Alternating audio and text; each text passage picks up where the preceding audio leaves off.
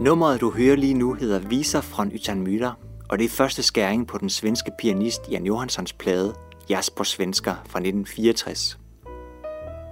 Albummet er flere gange blevet hyldet som det bedste skandinaviske jazzalbum nogensinde, og det er svært ikke at blive grebet af pladens stemningsfulde sound.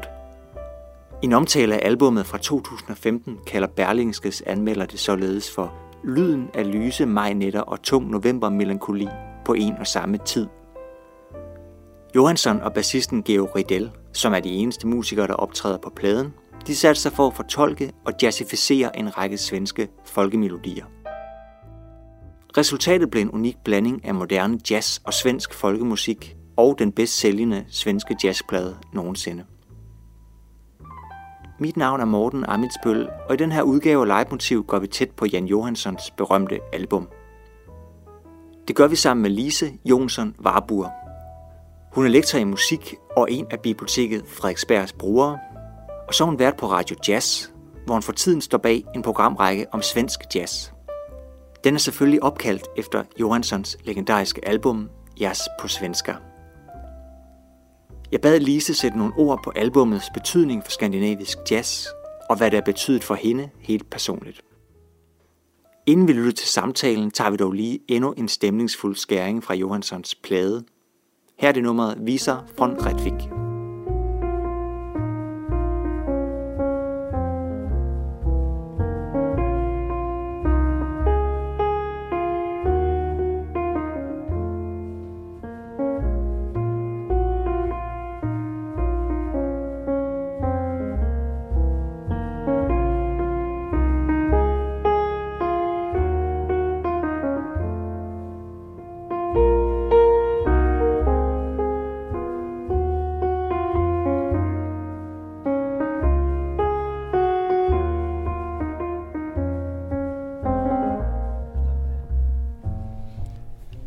Lise, du øh, har jo valgt, at vi skal snakke om øh, Jan Johanssons album Jazz på svensker.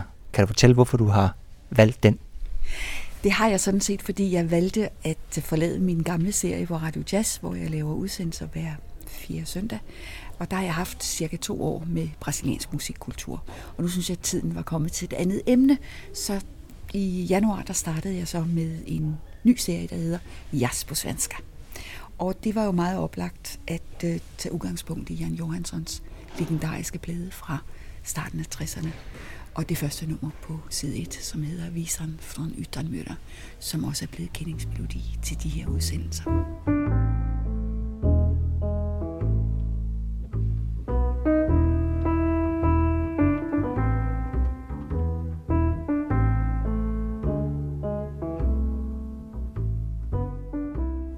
Så jeg er flittigt engageret i at finde musik hernede på biblioteket med svenske musikere, og der er tonsvis af dem. Øh, pragtfulde musikere, altså. Øh, og selvfølgelig er jeg ikke gået tilbage til stenalderen, men har valgt sådan cirka fra 50'erne og frem efter. Også fordi i 50'erne, øh, der var Sverige langt foran alle de andre skandinaviske lande, når vi snakker jazz. Kan du sige lidt om, øh, hvordan jo, Jan Johanssons placering er i det jazzlandskab på den tid? Øh, han var han var toneangivende, og han var meget betydningsfuld. Og det er egentlig lidt sjovt, fordi han læste til ingeniør. Men altså, han gjorde det, så vidt jeg husker, ikke studiet færdigt, fordi det viste sig, at han var så eftertragtet som pianist, så han kunne altså simpelthen leve af det fra, han var sådan lige omkring 20 år. Og øh, desværre så dør han jo øh, i, i 68, så vidt jeg husker. Og, øh, men havde en, en, en formidabel karriere med koncerter og indspilninger konstant. Og så hjalp det jo selvfølgelig også på det, at Stengets øh, sådan kom rundt om hjørnet, øh, som han jo indspillede meget med og spillede meget med i det hele taget. Han var også her i, i, i København, øh, optrådte meget på, på, på det gamle Montmartre inde i, i Storregnegade. Så øh, men jeg tror sådan set, at, at pladen øh, af Jasper på den blev sådan et internationalt øh, gennembrud, fordi det var så specielt, at øh, Jan Johansson og Georg Riedel, som er de eneste to musikere på pladen, altså bassister og så pianisten Jan Johansson, øh, har taget udgangspunkt i en masse svensk folkemusik. som de så har jazzificeret. Og, øh, og der skal jeg sige i den forbindelse, at Sverige jo i den grad har en righoldig tradition, hvad angår øh, folkemelodier som mange en anden øh, jazzmusiker også har benyttet. Ikke? Men jeg tror ligesom, at inspirationen kom fra Jan Johansson, og så denne her legendariske plade, Jazz på svenska.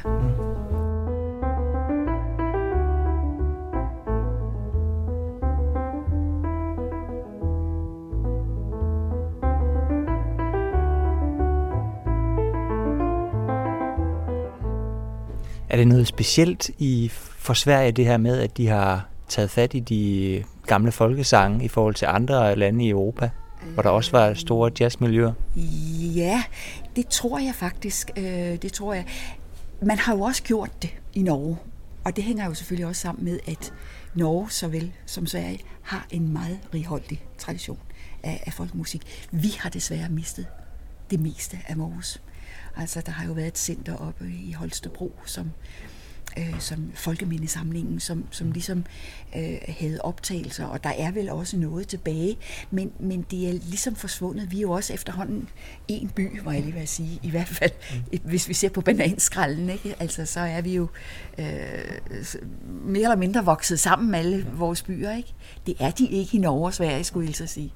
Der er kilometer og kilometer imellem ja. mellem, øh, bygderne.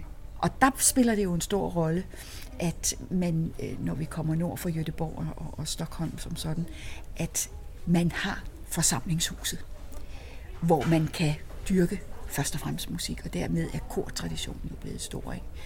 ABBA var verdensberømt i Sverige, før de overhovedet nogen kendte til dem i Europa, ikke? i resten af Europa. De havde sunget i samtlige forsamlingshuse i Sverige. Så traditionen for, for øh, øh deres egen musik og at synge den, øh, den, øh, den er stærk den dag i dag. Og det gør jo også, at, at der ikke er nogen jazzmusikere i Sverige, som ikke snuser og leger med, med, med, med deres folkemusiktradition. Det er helt sikkert. Det er også det, noget af det, jeg synes, som jeg tænker, det også har gjort den så populær, eller i hvert fald så øh, betydningsfuld, at, den er, at den har den her blanding af noget internationalt, altså jazzen, og så det sådan meget nationale Ja, det kan man godt sige. Altså, øh, det hænder jo også, at, at øh, franske jazzmusikere de vælger en eller anden gammel fransk sang, øh, som på en eller anden måde er, er, er blevet kendt øh, ude i verden. Ikke? Jeg mener bare sådan en som øh, Hvem kan segler? Øh, den kender, kender vi jo alle sammen, og vi har ovenikøbet fået dansk tekst til den, og, og der findes sikkert også andre øh, øh, sprog til den melodi. Og det gælder mange af de svenske øh, folkemelodier. Dem, de har jo også fået dansk tekst. Så alt i alt kan man sige, at det er et område, som sætter Sverige på verdenskortet. Det er deres folkemusiktradition. Og specielt når den så kommer i hænderne på, på, på øh, jazzmusikere. Mm.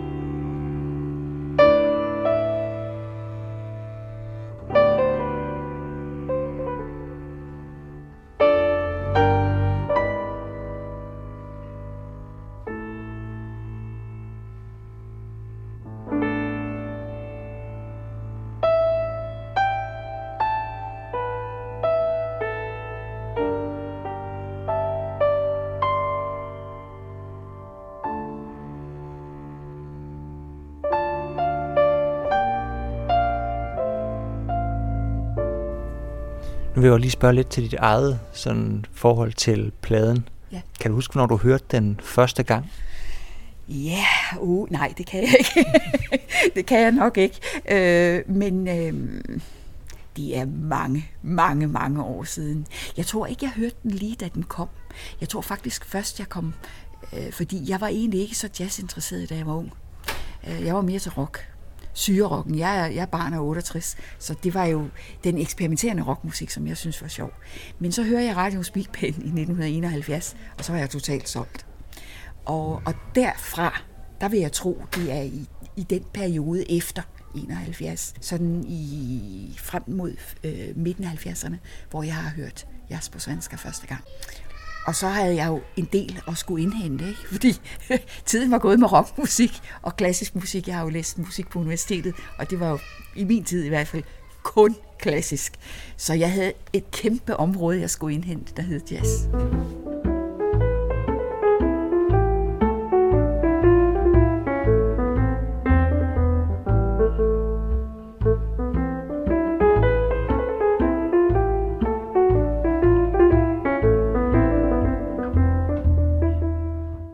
I Sverige, der har, den, der har den været på fra start. Også fordi Jan Johansson var så populær og, og elsket. Og specielt efter 68, altså efter han dør, jeg mener det var i 68, øhm, der får han jo en eller anden form for øh, sådan jeg vil ikke sige renaissance, men, men, men i og med, at han er væk, man har mistet noget mm. i ovenikøbet hans bedste øh, tid, kan man sige. Det er jo klart, at så bliver han jo nærmest en helgen, og bliver dyrket på alle lederkanter. Og det har den der jazz på plade, det har den i allerhøjeste grad mm. boostet til. Og så er den også, selv når man hører den i dag, så virker den så tidløs. Og det gør den jo blandt andet, fordi netop det tonesprog, som, som øh, de her folkemelodier benytter, det er evigt, det er eviggyldigt. Det er noget, der hedder modalitet, det som man bruger inden for. Øh, Miles Davis var den første, nej ikke den første, men man, man siger modaljazzen, og det er, refererer vi til cool jazzen blandt andet, og Miles Davis og sådan nogen. Og det er helt klart, at folkemusik, ikke bare svensk folkemusik, norsk folkemusik, irsk folkemusik også, passer ind i lige det område. Så på den måde kan man sige, at det er mere eller mindre tidløst. Ikke? Mange af de der gamle folkemelodier, de går jo tilbage til både 15, 16, 1700-tallet. Ikke? Så, og de er stadig evigt aktuelle, og det er de på grund af deres deres modalitet og deres tonesprog. Øhm, hvad vil det sige, altså hvis man skal definere modal jazz, oh, kan man... Det vil sige modal jazz, ja. ja, det er jo, altså, man kan sige, den er, den er bluesløs. Altså det vil sige, den er ikke øh, baseret på de blå toner, sådan som jazzmusikken var øh, øh, frem til vi får cool jazzen. Den består mere af, hvad skal vi sige, de oprindelige kirketonarter. Og det vil så sige, så er vi tilbage i middelalderen. Ja.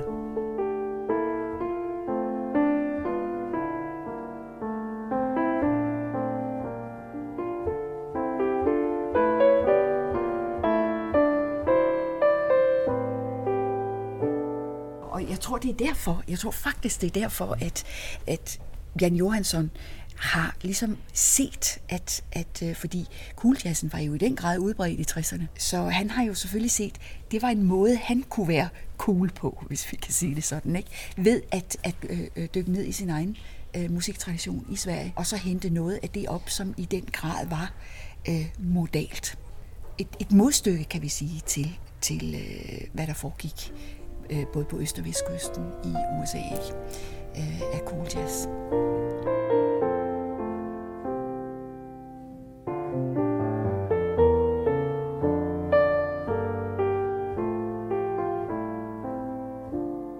Hvordan har dit forhold til øh, pladen udviklet sig, øh, siden du hørte den første gang, hvis det har udviklet sig? det har udviklet sig så meget, at den er så slidt, så jeg, der stort set ikke er andet end riser i den. så det betyder, at den har været spillet ret ofte. Ja. Men den har også haft pauser, fordi på et eller andet tidspunkt, så, så får man jo nogle andre interesser, og som jeg nævnte tidligere, så har jeg jo lavet igennem to år øh, næsten 30 udsendelser om brasiliansk musikkultur. Og der har alt, hvad der var i stuen, og alt, hvad der blev lyttet til, det var alt slags brasiliansk musik. Fra øh, den klassiske musik, som kom til Brasilien i, i slutningen af 1800-tallet, og så frem til vores dage. Og det øh, var både populær musik, jazzmusik osv. Nu hænger det meget sammen i Brasilien, fordi deres populær musik ligger på så højt et plan. Øh, vi kan overhovedet ikke i Vesten være med på det niveau, de har, når de laver popmusik. Det er så avanceret. Altså, herhjemme kan vi altså tre akkorder og den samme rundgang øh, i timevis, ikke? Og det bliver der altså ikke meget nyt af. Men dernede, der kan de altså noget, både med rytmer, med, med harmonier og med melodi. Det kan de. Det lyder som om, at du fordyber dig meget i musik, når du først går i gang med det. ja. ja, men det er jo, kan man sige, det er jo jeg er jo en nørd, men det er jo mit fag, kan man så sige. Jeg er uddannet i musik, så det er jo klart, at i det øjeblik, jeg skal bruge det, så vil jeg gerne, øh, så vil jeg gerne ned til nogle rødder og gerne finde noget centralt. Det prøver jeg også at formidle i mine radioudsendelser.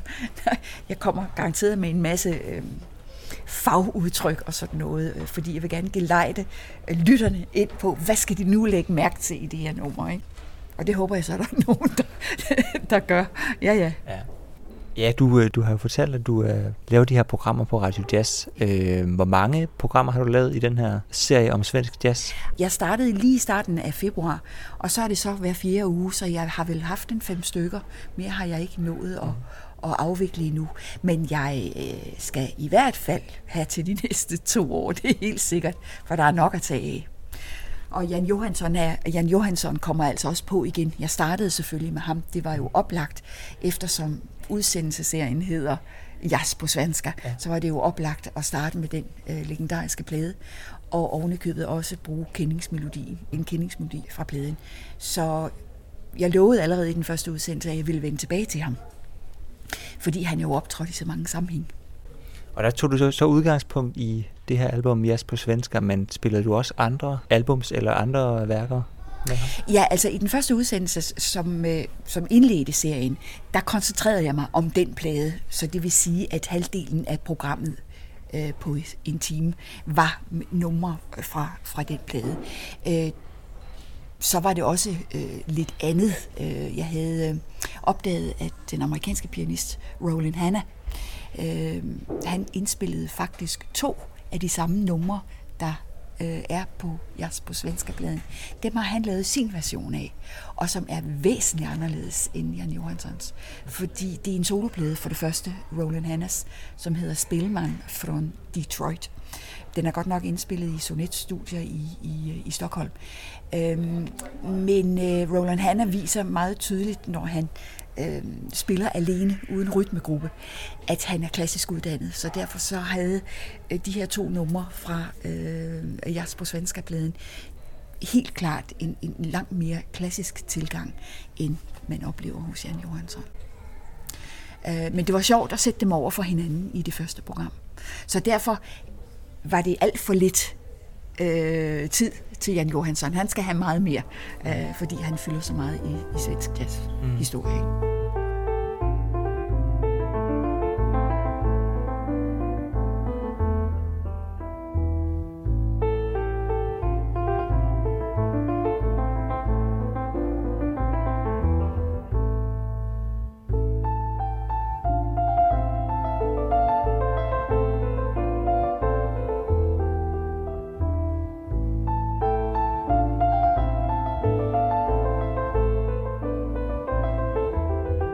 Hvordan rangerer du ham sådan på din private øh, favoritliste over jazzmusikere øh, eller musikere i det hele taget? Uh, jeg er ret vild med Jan Johansson. Det har jeg altid været.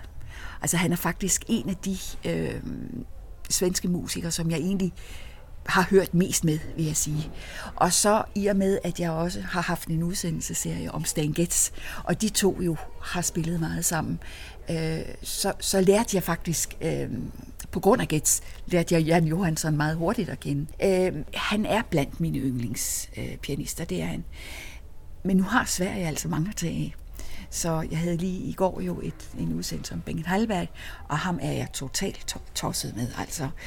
Også fordi han øh, er klassisk uddannet, ikke? Og det kan man tydeligt høre på hans spil.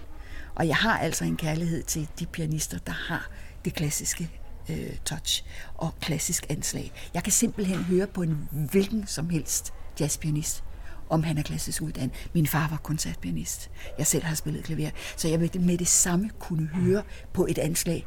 Her har vi altså en, der har arbejdet stjernesityder, og som har haft en, en god mester. Øh, hvad er det sådan mere sådan helt specifikt, som gør, at du kan høre det? Det er anslaget, den måde, som, som øh, pianisten Øh, Øh, slår ned på tangenterne på. Der er faktisk kun et folkefærd, der kan noget lignende, som for eksempel Bengt Halberg, øh, og det er italienerne. Det er sådan en som Stefano Bolani øh, og Pierre Annunzi for den sags skyld. De er begge klassiske øh, pianister, ikke? og det er traditionen med pianister i Italien. Du kan tydeligt høre det på deres anslag. Og du kan også høre det på mange af deres løb, deres skalaløb og sådan noget. Der kan du simpelthen høre, hold lov, det, der er øget skalaer. Ikke fordi andre jazzpianister ikke også øver skalaer, det kan jeg love dig, de gør. Men, men der er en anden måde at gøre det på, når du er, når du er øh, klassisk øh, trænet og klassisk funderet. Og det kan man tydeligt høre på sådan en som Bengt Alberg. Ikke så meget på Jan Johansson, fordi så meget klassisk er han ikke.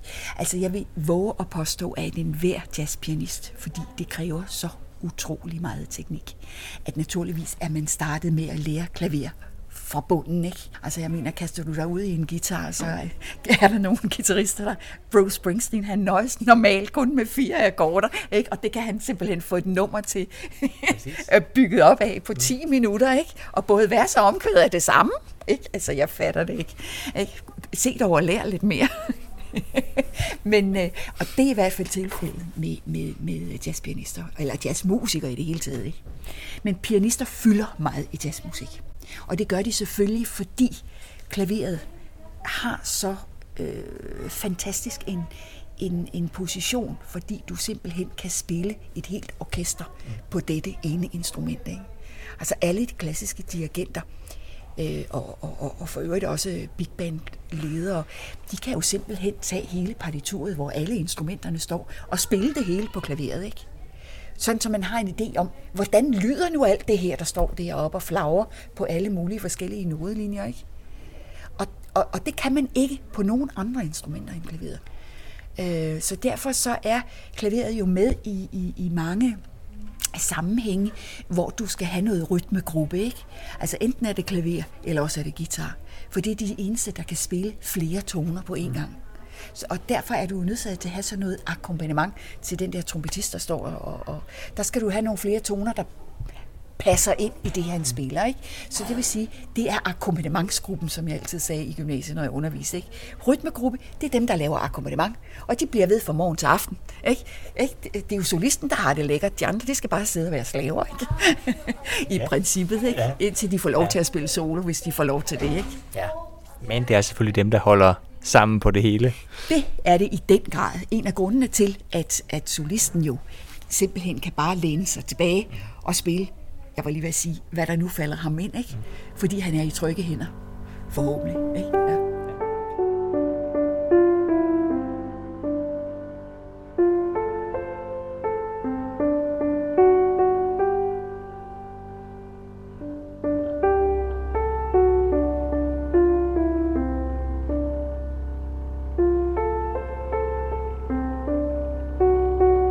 Det er også en vildt stemningsfuld plade må man sige. Det er det. Altså, jeg kunne forestille mig, det også er derfor, den har fået den betydning, det er.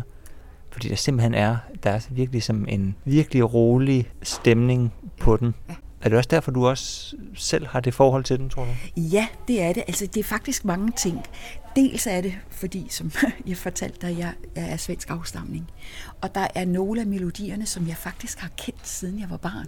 Min farfar var svensk, min far var halvsvensk, og min farmor var også lidt svensk. Så der har været meget svensk tradition i min opvækst.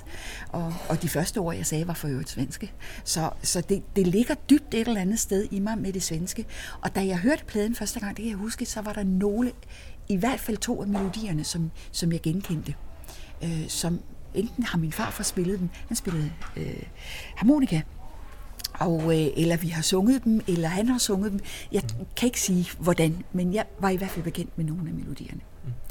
Og det er den ene ting. Den anden ting, det er, at det er så fint samspil imellem Georg Riedel og Jan Johansson. Og netop som du fremhæver den stemning, den der rolige, afslappede stemning, uanset hvor sørgmodige de her melodier er. Fordi denne modalitet, som jeg snakkede om tidligere, øh, det modale tonesprog, det er meget målpræget. Og mål er jo det, vi forbinder med noget sådan lidt mere trist, lidt mere sørgmodig stemning. Men i og med, at det er rytmisk musik, så bliver det jo aldrig alt for tungsindigt. Og der er der jo en god, øh, et, et godt samspil imellem den her lidt indadvendte stemning, der er i de her øh, folkemelodier, og så den jazzificerede udgave, og samtidig med, at, at det bare hviler i sig selv. Ikke? Og det gør den. Det gør, at denne her plade er tidløs. Helt klart. Den forsvinder aldrig. Det er dog mange plader, der gør. Ikke? Altså, som har mere eller mindre kultstatus. Ikke? Altså, Sex Pistols, de bliver sikkert moderne igen på et eller andet tidspunkt, og vender tilbage til den kultstatus, de har haft. Ikke? Øh, og inden for jazz, der fremhæver man jo stadigvæk Altså Kind of Blue, Miles Davis, ikke? Altså som i mange, mange år var en af mine øh, yndlingsplader simpelthen. Og jazz på svensk har, tror jeg har det på samme måde. Den har altså også fået en, en kultstatus. Der er jo mange, der har forsøgt at lave lister og bøger om øh, 100 eller 300 eller 1000 jazzplader eller andre slags plader, du skal høre, inden du går i graven osv. Og der er, kunne jeg godt forestille mig, hvis vi siger 100, eller hvis vi bare siger 50, øh, og vi tager Europa med, øh, så kommer jeg på svenska med i den gruppe. Det er helt sikkert.